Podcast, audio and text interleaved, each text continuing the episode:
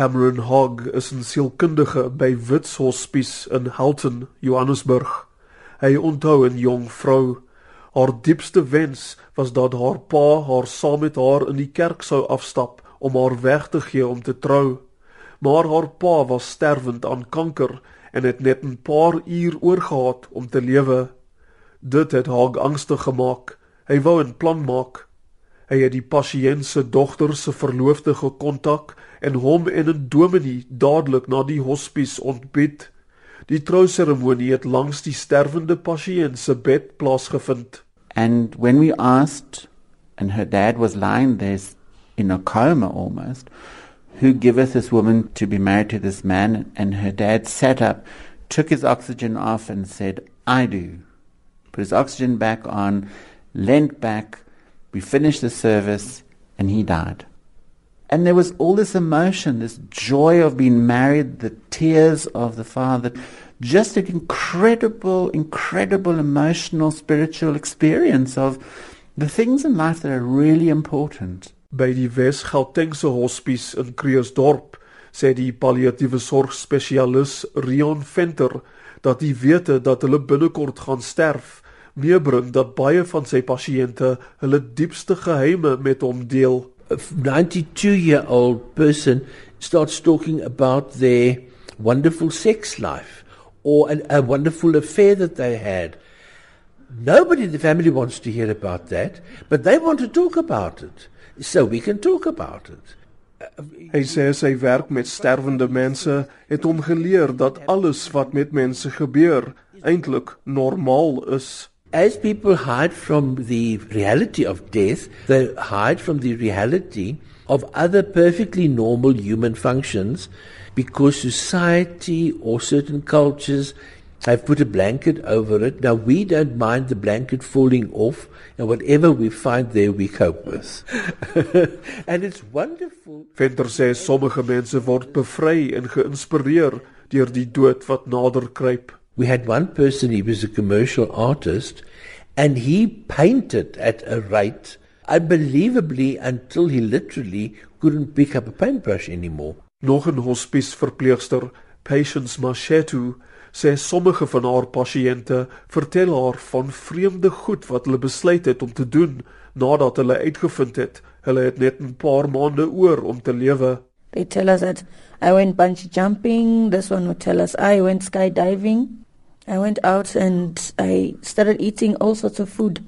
I wasn't eating all that kind of food, but now I just eat anything because I was watching my weight. Now there's no need to watch my weight. I might as well eat and eat and enjoy. Venter het al baie gesien hoe iemand wat doodgaan erg gebroke verhoudings herstel. You find weird things happening. Divorced spouses take in the person they've been divorced from for many years. They start looking after them. And caring. A son or a daughter who's been out of the family for years suddenly re-emerges and starts taking part again.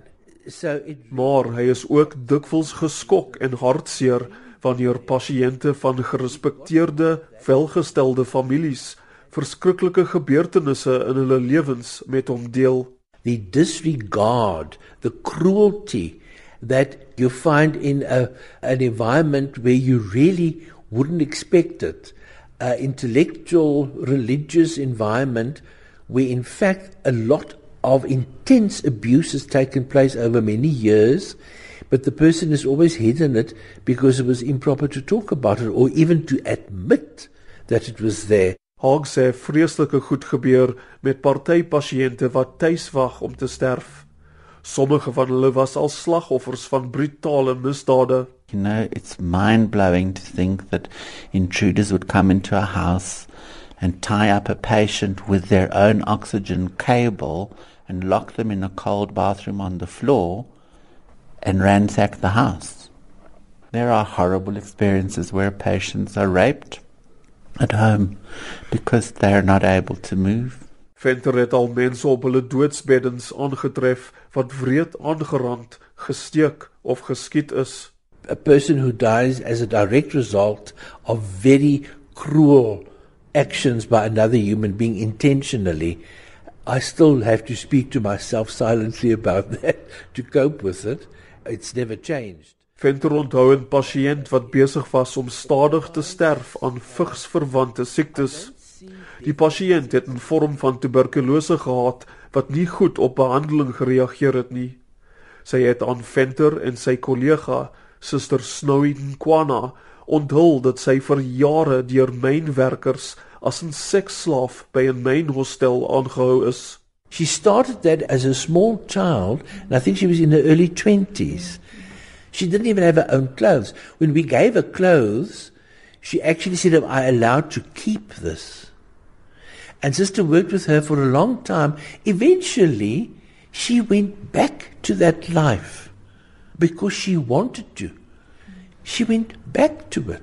Venter sê hierdie is die tipe raaisels waarmee palliatiewe versorgers bykans elke dag van hulle lewens moet worstel.